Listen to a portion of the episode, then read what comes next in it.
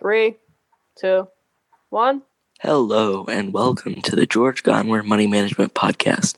I'm your host, Jackson. And I'm your co host, Cole.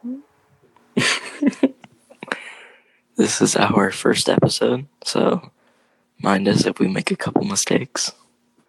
Um, cool. You want to get started with our first topic? Our first topic today is financial minimalism. Financial minimalism is living beneath your means. Spend as little as you can, invest, save all of your money as much as you can. Now, the easiest way to start is when you want to spend money on something, sleep on it. Wait a few days. You'll know later on if you really needed that. If it is a net positive on you, go ahead and buy it. But if it was just something impulsive, uh, you don't need it so much. I myself could have saved at least a $100 if I didn't impulse buy.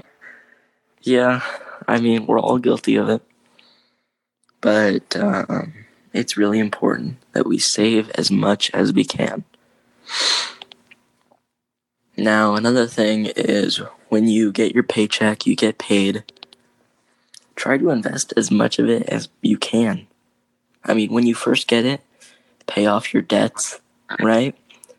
But after that, invest and then, you know, buy food and leave a bit over for some entertainment if you really need it. So, Cole has another way for you to make money. And, Cole, how's that? Uh, you could do more odd jobs on the Mm. side. Mm, yeah. When um on the side of your current big job, it's important Yeah. to have multiple streams of income. So, for example, some of your one of your streams of income would be your job. You know, if you're an employee or you have a business. Another stream would be the dividends you get from investing. And with this stream, you would just be walking around, seeing if you could do odd jobs, maybe for your neighbors. I know around here, hauling Amish around. That's a big thing. Just do little jobs. All right. Next, we're moving on to the markets. Now, this part is going to be a bit less about news because pretty much everything in the news is just coronavirus. I'm sure you're tired of hearing about it. But here we go. Cool? All right, well, the first thing to talk about in the markets is investing in companies that will make profit by not selling. And that's a bit confusing. But what that means is invest in companies that will go up in market capitalization, that will make more profit. We need companies that have a solid future. Now, um, obviously, there's your big players like Disney, there's oil companies, Chevron, Shell, Exxon. These companies, they're not going away anytime soon. Not that I can see. There will be a demand for oil, there will be a demand for entertainment in the near future. Cole? A loss or a gain is not realized until sold. And what does that mean exactly, Cole?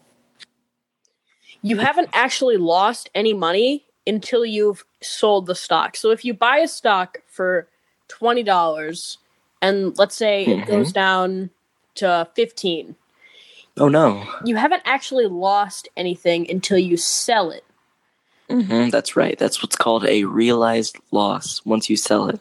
That's no good. You don't want that. If you recognize that that company has a solid future, then I don't see why you would want to sell it then.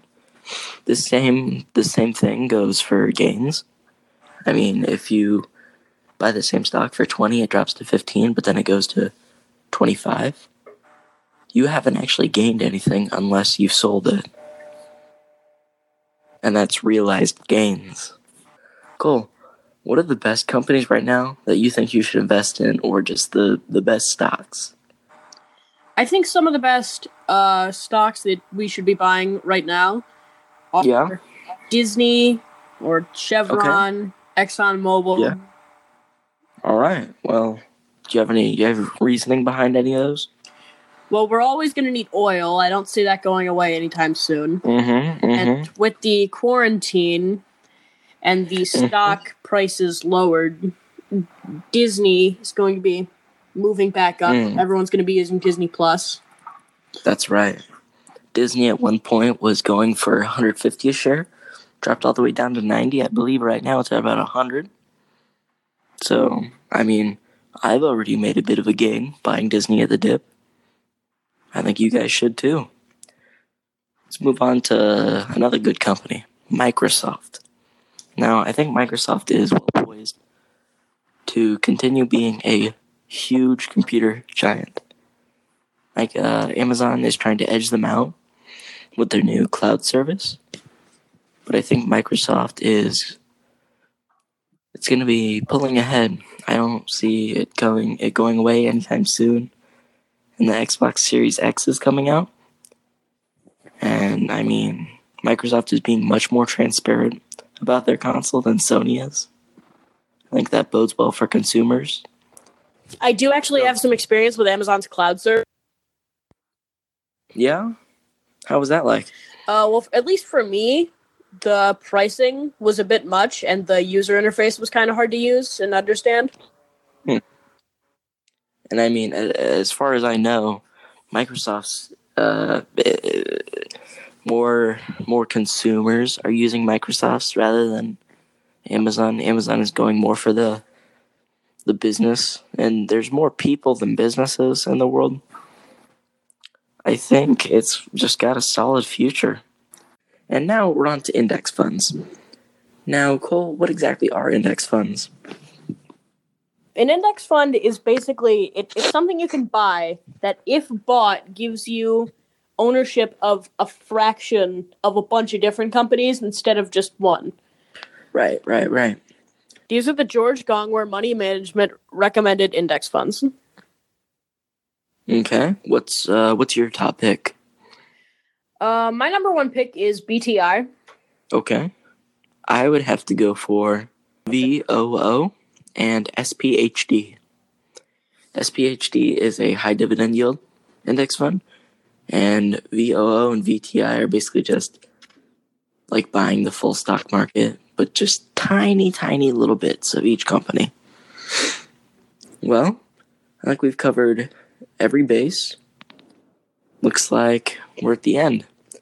So, if you appreciated the podcast, send it to your friends, send it to your family, leave a like, subscribe, and turn on notifications. We'll be back again with another episode next week.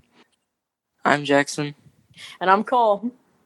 and we're signing off with the George Gongwer Money Management Podcast.